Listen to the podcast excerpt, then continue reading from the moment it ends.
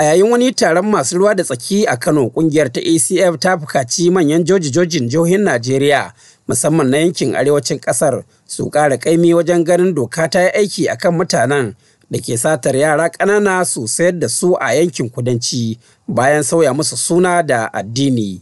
Dr. Gwani Umar Faruk da ke zaman shugaban ƙungiyar ta ACF a jihar Kano ya yi ƙarin bayani akan makasudin taron. Makasudin wannan taro ya taso saboda 'yan sanda da suka ba da labarin yara guda takwas 'yan bauchi da aka sato aka kasu Kano aka haɗa baki da waɗansu masu unguwanni suka canja musu takardar haihuwa suka canja ranar haihuwar aka tafi aka sayar da ɗaya naira dubu ɗari huɗu da tamanin a Lagos. To irin haka ya faru da yawa a da abin da yake damun mu shine sai 'yan sanda su kama mutum su kai shi kotu sai a sake shi. Hajiya Aishatu mai jama'a da ke wakiltar mata a ƙungiyar ta ACF bayan nuna damuwar mata dangane da wannan al'amari ta fayyace mataki na gaba da suke burin ɗauka. Wani mataki na gaba dai mun tura gwamnati sannan kuma su kansu community leaders mun ba su assignment sannan yan majalisun mu za mu je mu zauna tare da su sannan judiciary su ma za a zauna da su because za ka ga an kama mutum mai laifi da irin wannan halifin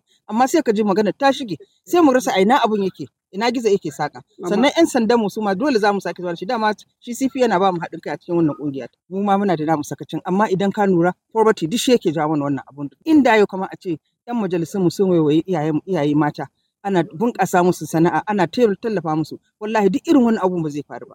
Amma sai gani cewa mace a gida ta zauna ba cin yau babu na gobe. Sannan mai gida ya shura takalmi ya fice ya zace da yara? So dole irin wannan ishu din ya kamata a duba.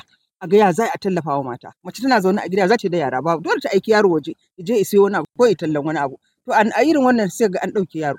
Tana da yanda za ta yi a gida. Wannan duk abu ba zai faru ba. Taron dai ya ƙunshi sarakunan gargajiya na Igbo a Kano da Benin da kuma takwaransu na yankin Yarabawa mazauna Kano inda har ma basaraken na Igbo ke cewa sunana Chief Ifeanyi Nwaimo wannan magana kidnapping da yara suna ɗauke waya yana damun shi yana kawo wahala a cikin gari Kano muna so sai a haɗu sai a cire wannan ba daɗi.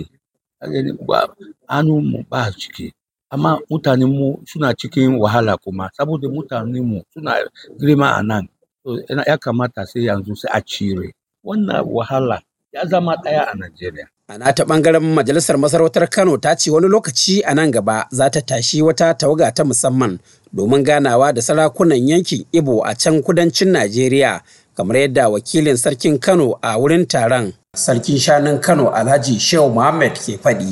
Lalle nan gaba za a tura tawaga mai ƙarfi zuwa sarakunan su domin su masu cewa yadda ba sa son wani abu ya taɓa su na rashin daɗi kuma ba ma son wani abu ya taɓa. Mun karɓe ku a matsayin baƙi na amana to mu ma a karɓi baƙi na amana a can. Yadda muke muku a nan kuma ku mana. Wannan tawaga lalle nan gaba za ka ga an yi ta. A baya-bayan nan dai matasa a Kano sun so yin zanga-zangar lumana domin nuna ƙin jinin wannan ta'ada ta sace yara a arewa domin sayar da su a kudanci. Amma dattawan garin suka dakatar da su. Mahmud ibrahim kwari muryar amurka daga kano nigeria.